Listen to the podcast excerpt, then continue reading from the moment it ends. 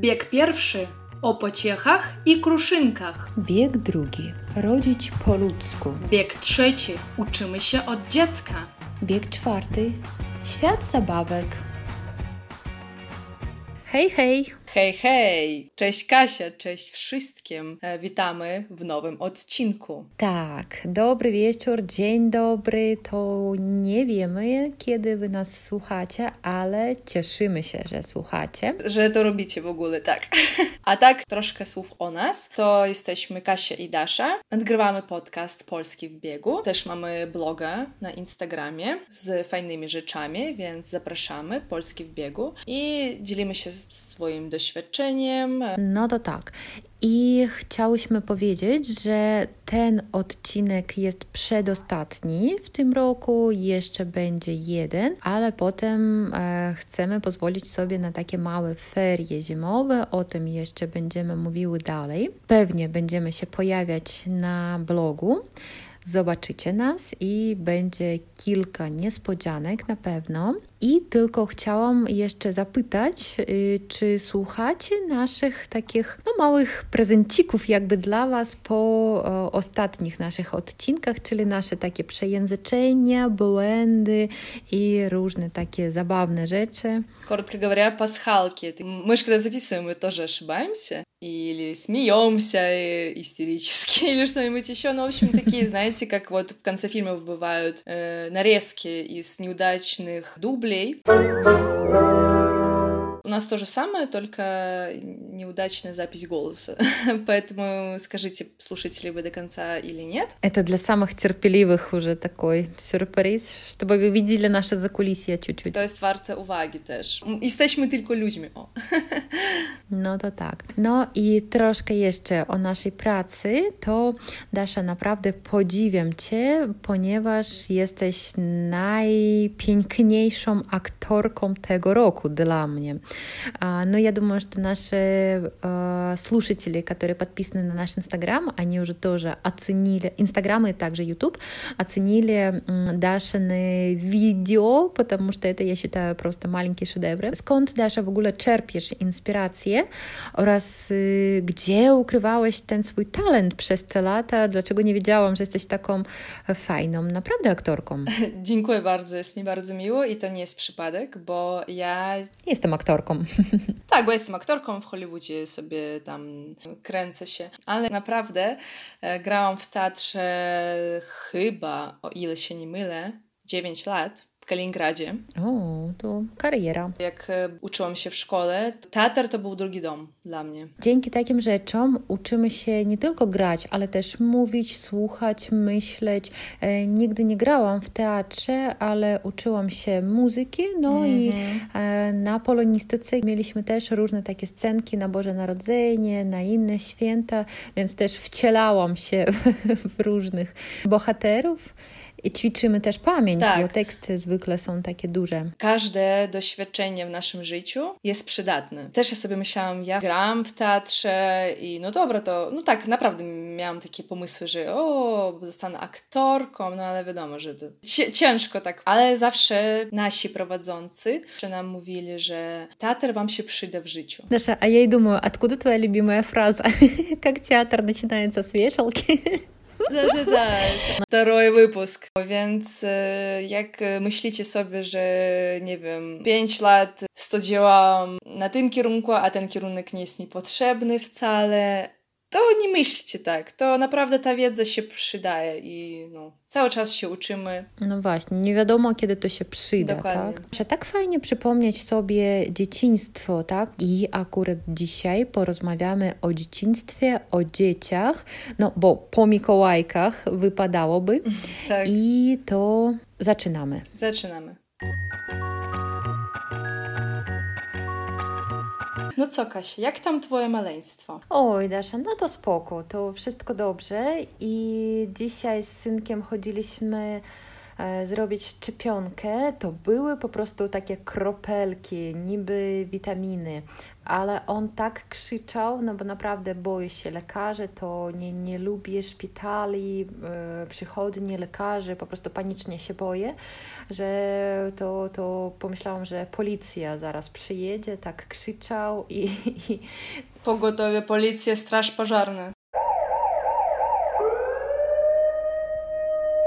Ale e, już nauczyłam się panować nad takimi sytuacjami i po prostu pomyśleć, że no jeszcze pięć minutek już idziemy do domu, już będziemy e, po wszystkim i też e, zamówiliśmy od razu klocki Lego, jakby taką nagrodę.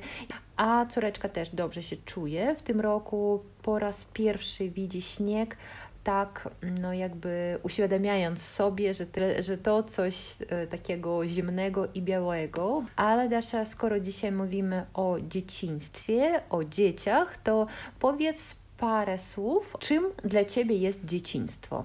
Jakie takie skojarzenia? To наш выпуск сегодня посвящен детству, детям и разным этапам в их жизни. Катя спросила меня о моем детстве. какие слова мне с этим асоціюються. Даша, а одразу е, так трошки конкретnie zapytam. Dasza, powiedz, jaki jest smak, może zapach Twojego dzieciństwa, kolor i ulubiona gra. O, taka mała ankieta.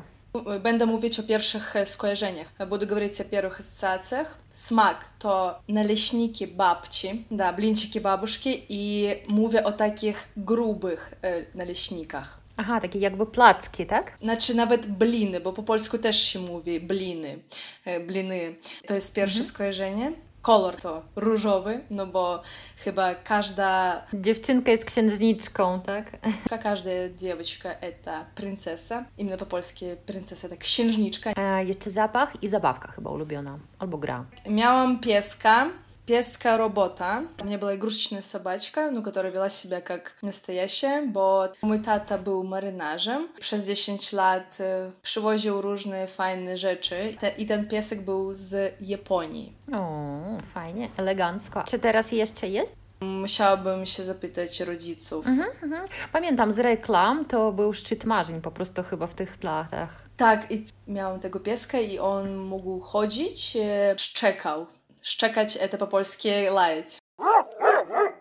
No, jak prawdziwy robot pies. No super. Więc e, takie moje skojarzenie. A jeżeli mówić o zapachach, z dzieciństwem kojarzy mi się mieszkanie znowu dziadków. E, mnie jest опять же асоциация z kwartiry babuszki i dziaduszki. No bo i znowu z jedzeniem, no bo cały czas jakieś jedzenie no tak. było fajne i no myślę, że jak do dziadków przejeżdżają wnuki, to wtedy co chwilę coś się gotuje, bo chyba e, celem i zadaniem każdej babci jest nakarmić dziecko. Tak, bo zawsze dziecko jest za chude, za szczupłe.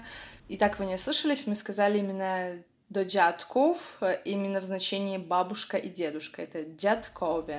Но то так. Если вы тоже хотите сказать, что, допустим, вы поехали именно к дедушкам, к своим, к двум, например, to też można powiedzieć pojechałem do dziadków, ale e, raczej, częściej to się mówi w znaczeniu do babci и dziadka, да, то есть э, собирательное такое слово, как, допустим, родители, да, это одним словом мы называем маму и папу, и по-польски есть еще несколько таких интересных слов, например, родзенство, да, брат и сестра одним словом, как вот, допустим, по-немецки geschwister, а в русском русском, ну, нет такого. Ну, сейчас используется слово сиблинги, из английского оно пришло, а, но как бы именно русского, исконного русского слова сейчас такого как-то не, не приходит мне на память. Jeśli mówić o moich skojarzeniach, to chyba też zawsze wpada do głowy coś takiego, co było wyjątkowego, nie na co dzień, bo mój tata też był marynarzem, mój papa też chodził w morze i też e, smak to chyba żelki. Do, do dziś uwielbiam żelki, do сегодняшнего дня я обожаю желатинки, и тогда вот эти немецкие Haribo, э, мище злотые, да, традиционные вот эти классические мишки, желатинки, я просто их не знаю, ела пакетами, шоколадные Деды Морозы, шоколадные вот эти пасхальные всякие зайчики, тоже это килограммами все елось, и то не żałuję. Chociaż teraz swoim dzieciom ograniczam ilość słodyczy, да, сейчас я стараюсь детям ограничивать количество сладкого, но я думаю, что просто тогда это было как бы более редко, чем сейчас. Недоступно. Да, не так доступно, как сейчас, и Поэтому, в принципе, особо нам это все не вредило. А если mówić о запахах, о вони, и тут вы тоже не ослышались, вонь по-польску — это аромат, да, то есть это не, не то, что там воняет что-то, если воняет, мы скажем coś śmierdzi, to będzie smród, а именно вонь — это аромат. No i tutaj jakieś takie moje skojarzenie, że na przykład na podwórku palą się liście jesienią i to takie no troszkę gorzkawy e, zapach tych liści też jakoś tak przychodzi -hmm. mi do głowy. Nie wiem dlaczego, właśnie takie, takie skojarzenie А, то есть запах такой жженой листвы по осени почему-то вот тоже у меня сразу всплывает в памяти. А, если mówić o zabawce, to myślę, że to lalka Barbie to też był szczyt marzeń dla każdej dziewczyny, też miałam kolekcję, да, это тоже был предел мечтаний каждой девочки. I myślę, że kolorem takim, który przychodzi mi na pamięć, nie wiem dlaczego, ale jest e, szary kolor, e, dlatego że kiedy patrzę na swoje zdjęcie e, z dzieciństwa, to są czarno-białe i wydaje mi się, że troszkę było za dużo tej szarości w latach 90. w naszym kraju, да? То есть все такие воспоминания о раннем детстве у меня именно из черно-белых фотографий, поэтому мне кажется, что в те времена как-то реально все было черно-белое, ну потому что, да, понятно, в 90-е годы в России не было аж так весело, wesela.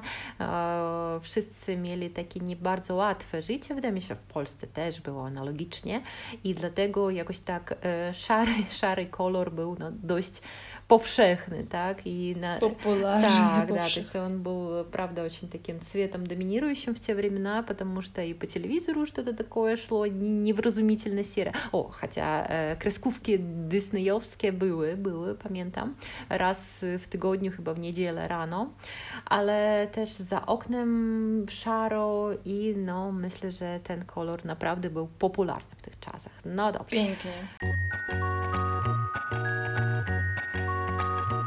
Даша, ты начала разговор с того, что сказала «як твое маленство». И тут тоже интересно, что просто, мне кажется, существуют десятки способов, как назвать ребенка по-польски. То есть, ну, самое популярное слово — это «детско», естественно, такое общепотребимое. Но даже вот, когда мы с Дашей общаемся, Даша очень часто использует совсем разные слова, которые тоже, я думаю, стоит сегодня привести как синонимы к слову «детско». Даша, попрошу, як это могą быть słówka? Можно się zapytać, jak tam dzidzia, dzidziuś, bobas, kruszynka, maluch, brzdąc, bęben. Bęben — это тоже барабан. И такие слова, которые, думаю, запомнятся у вас быстрее всего, это гнуй, гноек, смаркач, гувняш. Понятно, что, скорее всего, мы так своих детей любя не назовем, то есть это слова, которые мы, ну, как бы так немножко не то, что оскорбительно говорим в шутку, но они, конечно, да, присутствуют в речи, но это так, они, естественно, шут, szutliwo звучат. Mam przykład. Jeżeli jedziecie w pociągu i obok siedzi matka z dzieckiem, если вы едете в поезде, рядом сидит мама с ребенком, и то dziecko się drze cały czas, этот ребенок постоянно орет, дrzeć именно это орать, то можете powiedzieć, że denerwuje mnie ten gówniarz, denerwuje mnie ten smarkacz. Можете сказать, ну, вот это как в такой форме, как меня бесит. Ну, это tak, tak, takie pejoratywne, да, естественно, это, это negatywne. Tak. No, ale Dasza, powiem Ci, że e, najbardziej żal mi tej mamy, która przeżywa najbardziej, że oni wszystkim przeszkadzają, że wszyscy tak patrzą na nich i dlatego e, tutaj lepiej... A to są tylko dzieci. No, tak, tak, tak. I tutaj lepiej po prostu może podejść do niej i powiedzieć, czy mogę w czymś pomóc. I to no, myślę, że byłoby dla niej wsparciem takim jak najbardziej mocным, да, то есть в такой ситуации, когда ребенок кричит где-то там в самолете или в поезде, да, где-то где в тесном пространстве, и мама никуда не может с ним отойти, поверьте, хуже все, всего в этой ситуации этой несчастной маме. В такой ситуации просто попросите, может быть, вам в чем-то помочь, вот, и, или там как-то отвлечь этого малыша, и я думаю, что, ну, тут просто надо быть терпимыми, потому что все мы когда-то так орали, когда были маленькими.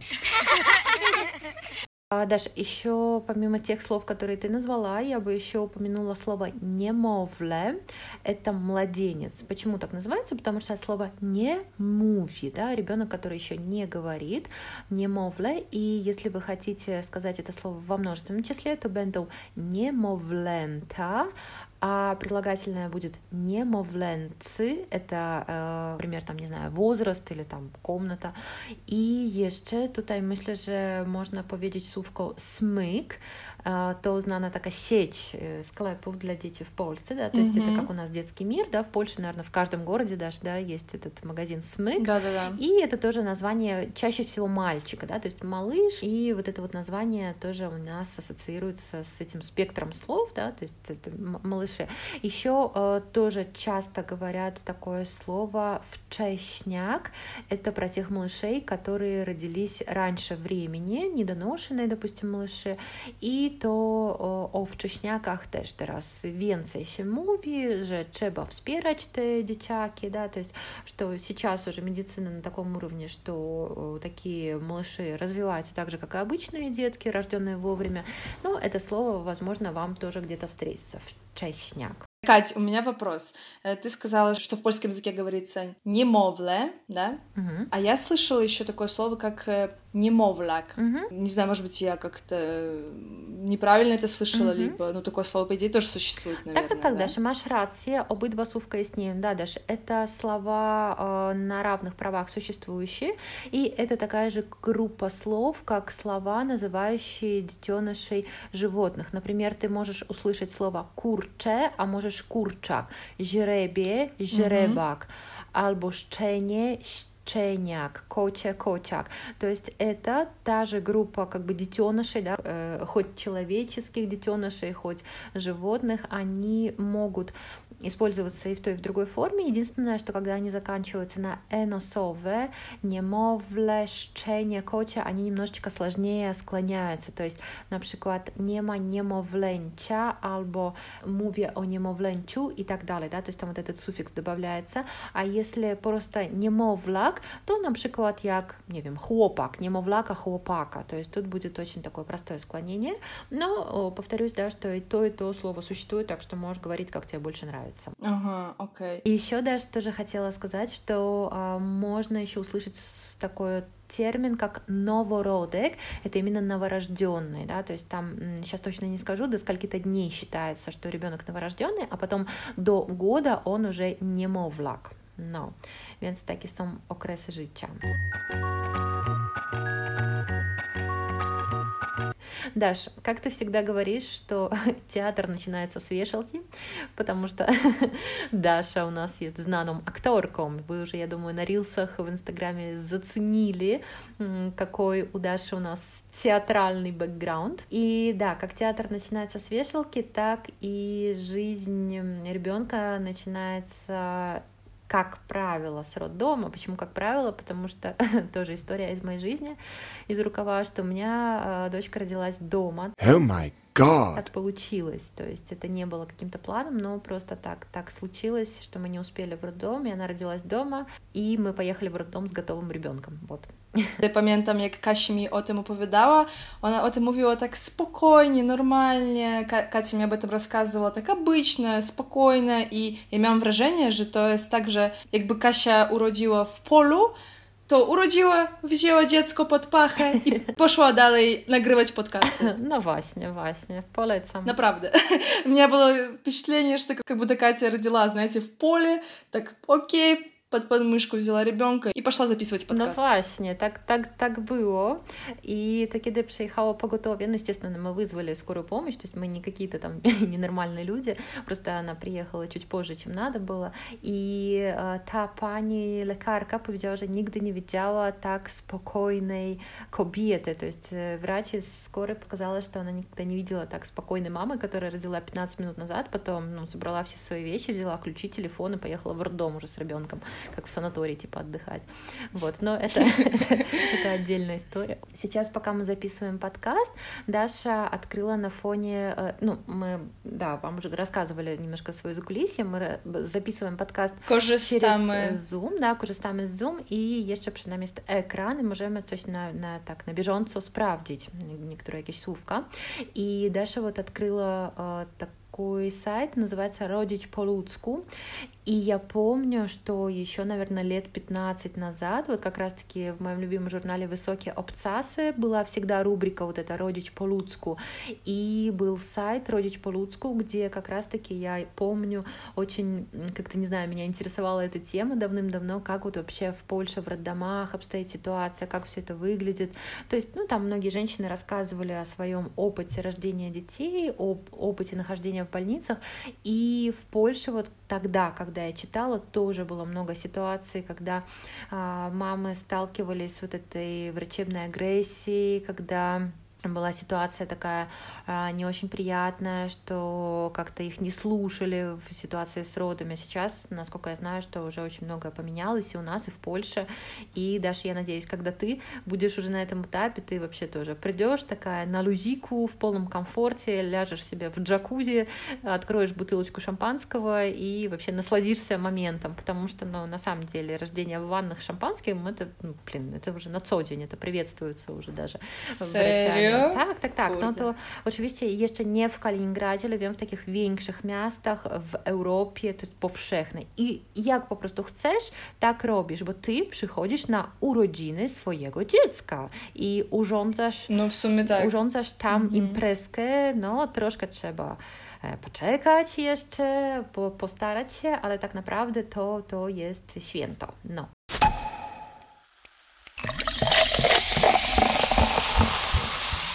Ale słuchaj, poczytam o tym. Ciekawa sprawa.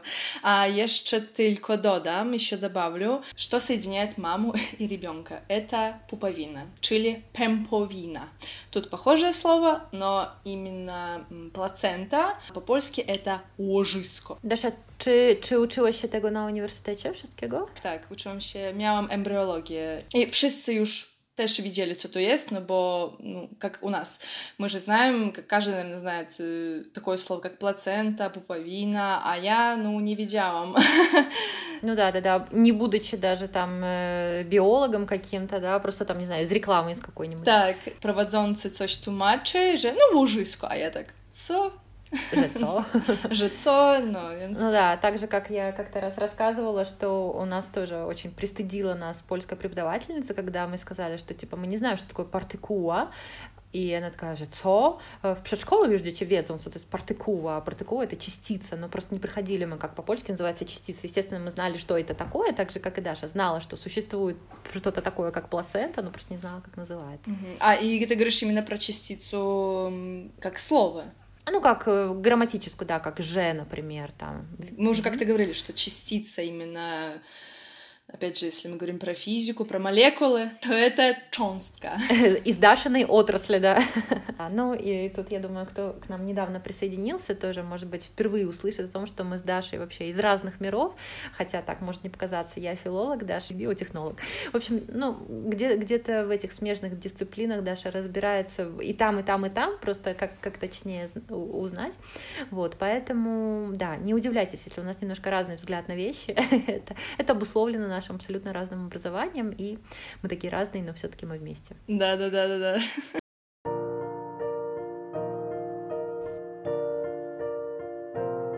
Słuchajcie, wracamy do tematu. My, jak zawsze, się rozgadałyśmy, ale też na temat, tak uważam. I okej, okay. gdzie rodzić w Polsce? Gdzie rażać w Polsce? Kobiety rodzą w szpitalach położniczych, w роддомах. Иначе можно сказать породувка. И человек, который принимает роды, называется положный. Albo położna, jeśli to jest pani. I kobieta w ciąży to ciężarna. Ciężарna это беременная. И тут тоже интересно, что, э, возможно, что-то похожее вы слышали, когда говорили про машины, потому что, например, ченжарувка, грузовик, это тоже однокоренное слово от слова ченшки, тяжелый, да, ну, по сути, беременная это тоже от слова бремя, да, что-то такое тяжелое. И по-польски тоже вот эта этимология здесь прослеживается. Так что не путайте. Ченжарна то пани, а ченжарувка то самохуд. И даже, кстати, ты сказала тоже женщина в положении. По-польски тоже есть такой эфемизм, слово, которое не напрямую называет нам это состояние. И mówimy, же, то есть пани в стане благословенным, таки пенькне, да, то есть женщина в благословенном состоянии, это уже понятно, что идет речь о беременности. А, естественно, как в каждой стране существует, э, или в каждом городе даже, да, существует рейтинг роддомов. В Польше тоже есть такие рейтинги, и а, получается, что по каким вообще параметрам определяют лучший роддом там или не самый лучший, э, по условиям, которые там есть, например, а, сало до rodzenia mogą być wyposażone w prysznic, worek sako, piłkę, drabinkę, stołek porodowy, materac. No тут не будем уже вдаваться прям в подробности, то есть а, вы можете рожать в палате с душем, либо там с фитболом, а, там определенные какие-то условия могут быть. Помощь лактацина — это помощь при налаживании грудного вскармливания, но помощь oczywiście psychologa też czasem jest potrzebna. То есть есть ли психолог в этом роддоме? Доула, а, это тоже такое популярное сейчас течение. Доулы — это женщины, которые помогают вам как бы психологически, грубо говоря, держат вас за руку во время родов, то есть они тоже имеют акушерское образование, но больше их такая как бы духовная, что ли, да, и моральная поддержка. Школа rodzenia, czy posiada ta porodówka, да, есть ли um, такие как бы курсы подготовки к родительству при роддоме и, на przykład, możliwość obejrzenia oddziału przed porodem, такая экскурсия а, перед, перед родами. Польши, как бы это ни парадоксально звучало, находится не в Варшаве, самый такой знаменитый, что ли, роддом, и такой, куда пытаются все попасть. Это э, город Камена-Нагура, и там находится как раз-таки вот первый в рейтинге роддом. Второе место уже Варшавский роддом занимает, и третье в Гданьске. Даш, ну вот ребенок у нас родился, мы приехали домой, он чуть-чуть подрос у нас, и как бы мы думаем, что уже он готов к детскому садику. И мы можем отдать ребенка сначала в жлобек. Жлобек — это ясли. То есть это такое место, куда вы можете отдать своего малыша до трех лет. Есть информация, что ребенка мы можем туда отдать как бы после 20 недель, то есть это, грубо говоря, 5 месяцев ему. Но мы спросили у моей подруги, которая живет в Польше, и как раз-таки ее дочка ходит уже в детский садик там, что нет, естественно, в таком возрасте никто еще детей не отдает в полгода. И есть частные ясли, куда отдают детей в 9 месяцев, но но это скорее исключение, чем правило, потому что декретный отпуск в Польше длится год, и, как правило, до года мамы сидят дома с детьми, но если там не, не срочные какие-то там обстоятельства. И тут, получается, возникает понятие декретный отпуск. Первая ассоциация — это урлоп мачеринский, но мы знаем, что неряд, нередко бывают ситуации, когда папа может посидеть с ребенком, ну, допустим, просто это из экономической точки зрения более выгодно для семьи, и тогда, Даша, как этот отпуск называется для папы? Bardzo słodko to brzmi. Urlop Tacierzyński. Папочкин отпуск. Да, по уходу за ребенком. Młodzi rodzice mogą przybywać na urlopie jednocześnie, да, то есть получается, что а, можно так как бы подугадать, чтобы и мама, и папа одновременно первое время находились вместе с малышом. Но и żłobek это ясли, и если вашему ребенку уже где-то 2-3 года, тогда вы уже можете его отдать в детский сад, именно который называется пшет школе, szkole, jak sama nazwa wskazuje, to jest przed школом, да, то есть это, как уже понятно по своему названию, да, что это до 7 лет дети ходят именно в до предшкола, и там уже, ну, это получается традиционный детский сад, Ну и как вот тоже у нас, поскольку с моей подругой примерно дети одного возраста и э, одновременно практически пошли в детский сад с этого сентября, мы часто сравниваем. Но я хочу сказать, что а, в Польше, например, тоже меню в садике разнообразное и интересное. А, ну, например, мы можем посмотреть в интернете просто меню любого садика и увидеть, что, например, э, детям дают na zawtrak zwykle to jest herbata, chleb żytni и розовый с masłem, polędwicą sopocką и помидором. То есть обязательно в каждый прием пищи в Польше детям должны давать какой-то овощ или фрукт. И, например, на обед, да, может быть зупа еженова, росу с ланым частым, рассольник, битки из индыка. Мне очень понравилось название килбаса на ежа. Это такая надрезанная колбаска, сосиска такая при, приготовленная и напоминающая ежика. Ну, то есть для детей делаются блюда именно в той форме, в котором им было бы интересно. Наполник, например, талиш овоцов, коверек с хрупкие кукурыджаны, то есть какие-то вот эти э, палочки кукурузные, либо тарелочка с фруктами. И еще одна особенность, дети в Польше приходят со своими спальниками, со своими маленькими спальными мешками, и на выходные ребенок это забирает домой в стирку, а так у них есть такие матрасики, а, могут быть такие раскладушки, и на этих вот своих спальных мешках, таких милых детских, они прям спят и как бы свое постельное белье. Akurat ja, Kasia, podczas słuchania Twojej wypowiedzi przypomniałam sobie, że niedawno, kilka dni temu, natknęłam się na artykuł i na wiadomości i tam było napisane, że no jakaś matka urodziła dziecko i to dziecko zostawiła w oknie życie. A ja tak, co to есть. Mm-hmm. Пока Катя тебя слушала, то я вспомнила, что недавно читала историю в Инстаграме о том, как ну, женщина родила ребенка и оставила его в каком-то окне жизни. Mm-hmm. Ukazuє że w Polsce są specjalne miejsca, gdzie, no, kurde, no tak też się zdarza, niestety, Kobiety porzucają swoje dzieci, женщины оставляют своих детей. Jakby to powiedzieć, nie wiem, bardziej łagodnie, że to jest alternatywa. No jak czasami kobiety zostawiają dziecko w śmietniku, no У нас тоже была недавно такая ситуация, так, угу, К сожалению, бывает такое, что, ну, женщины оставляют детей в мусорке даже, и это, ну... Это страшно, так. brak komentarzy po prostu. bez komentarzy.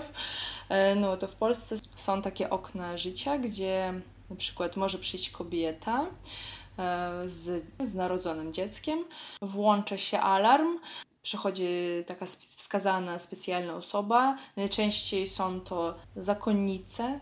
Zakonnice to monachini. I to dziecko jest po prostu uratowane w normalny sposób. I ten ребенок просто спасен No to tak, to myślę, że warto o takich rzeczach mówić, tak, i warto wiedzieć, że prawie w każdym polskim mieście to się znajduje. No i teraz proponuję porozmawiać jednak o bardziej przyjemnych rzeczach. И мы сказали, что ребенок после садика идет в школу, про школу у нас уже был выпуск, про высшее образование у нас был выпуск, поэтому мы поговорим еще о игрушках, о развлечениях, потому что без них тоже, ну, не бывает детства. Ну, а, я думаю, что с такими самыми популярными названиями игрушек вы знакомы. No, na przykład jak lalka, samochodzik, domino albo nawet kredki, flamastry. Przepraszam, znowu Ci przerwę. Powiedziałaś lalka i od razu nawiązuję do odcinka. Wiem którego. tak, numer 3. Pupa po kaszubsku to lalka. Dokładnie, да. Я сразу вспоминаю выпуск номер три. Пупа по-кашубску это кукла. Да. Пупа вообще это попа. попа. Да, да. поэтому тоже, если не слушали, послушайте этот выпуск, там даже для нас было очень много чего интересного. Даш, ну, я думаю, что ты, допустим, для своей племянницы Насти тоже покупала некоторые игрушки по-польски и, возможно, встретилась вот с какими-то новыми словами. Например, Даш, как будет юла по-польски? Bączek. No, taka miła nazwa, tak? Albo na puzzle, как по-польски называется? Puzzle. Хотя иногда можно еще слово укладанка услышать. Сегодня мы уже тоже говорили, как будет конструктор, например, конструктор Лего, то... Клocki Lego. Клocki Lego, так. А, на przykład самокат, тоже что любят дети?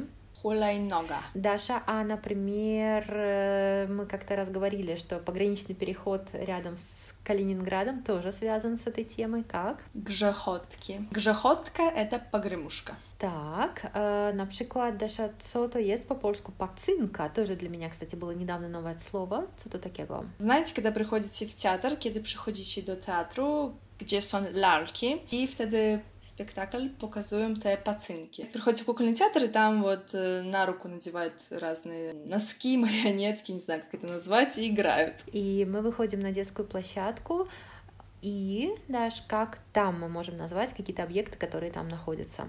Я начну с самого трудного. Зъезжальня — это горка. Хуштавка — это качель. На карусели мы скажем карузеля. И вообще даже мы не сказали, как будет игровая площадка. Плац забав. И, например, вы можете тоже э, использовать такое интересное выражение, как маупигай, то есть такой роща для обезьян. Это, знаете, такие веревочные парки, то есть у нас тоже они появились, и там дети лазят как бы в таких джунглях. По-польску это albo drabinki, albo маупигай, можно powiedzieć. Drabinka это как лестница, стремянка, да, можно сказать. Но и мало дети любят lubią piaskownice, это песочница, слово пясок.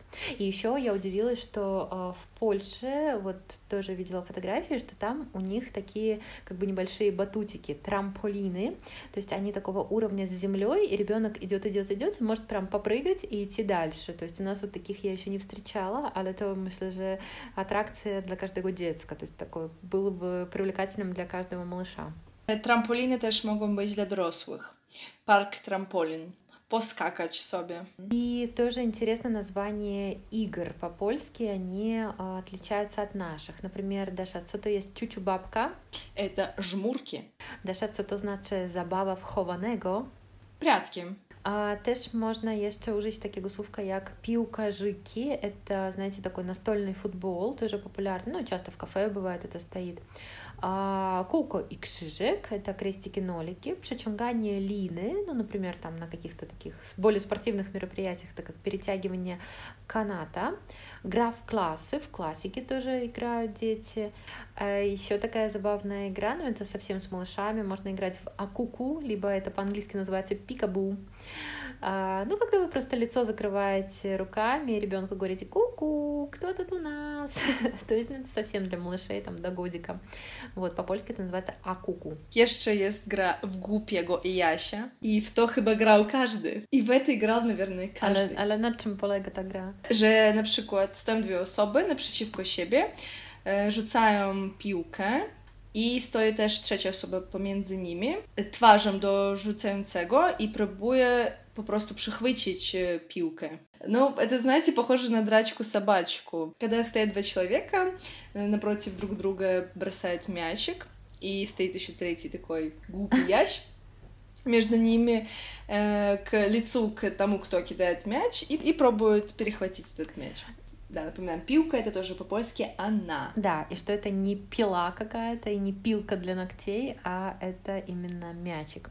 Пилочка для ногтей это пильник, пильничек. Ну, а пила, да, это пиво. Ну, еще есть такой город в Польше, пиво. И есть тоже такая, ну, забавная рифмовочка, ну, как мы говорили, поляки очень любят рифмовать. А, есть тоже город Спала, и пивом в пиле, спалом в спале.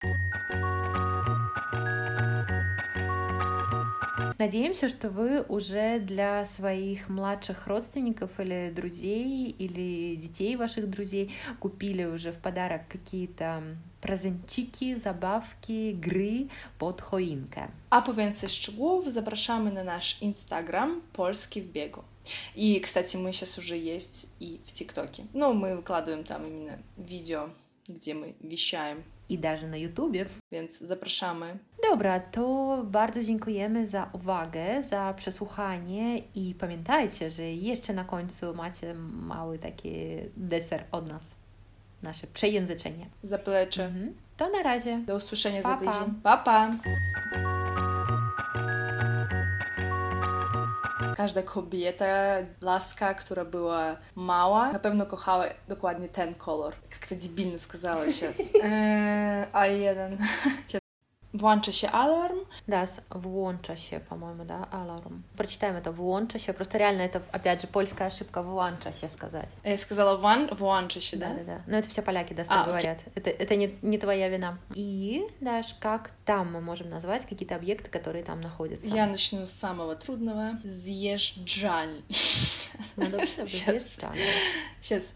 Съезжальня. З'їжджа. Правильно? Та- та- Ти сказала з'їзд, Ой, а там з'їжджа. Съезж... Съезж...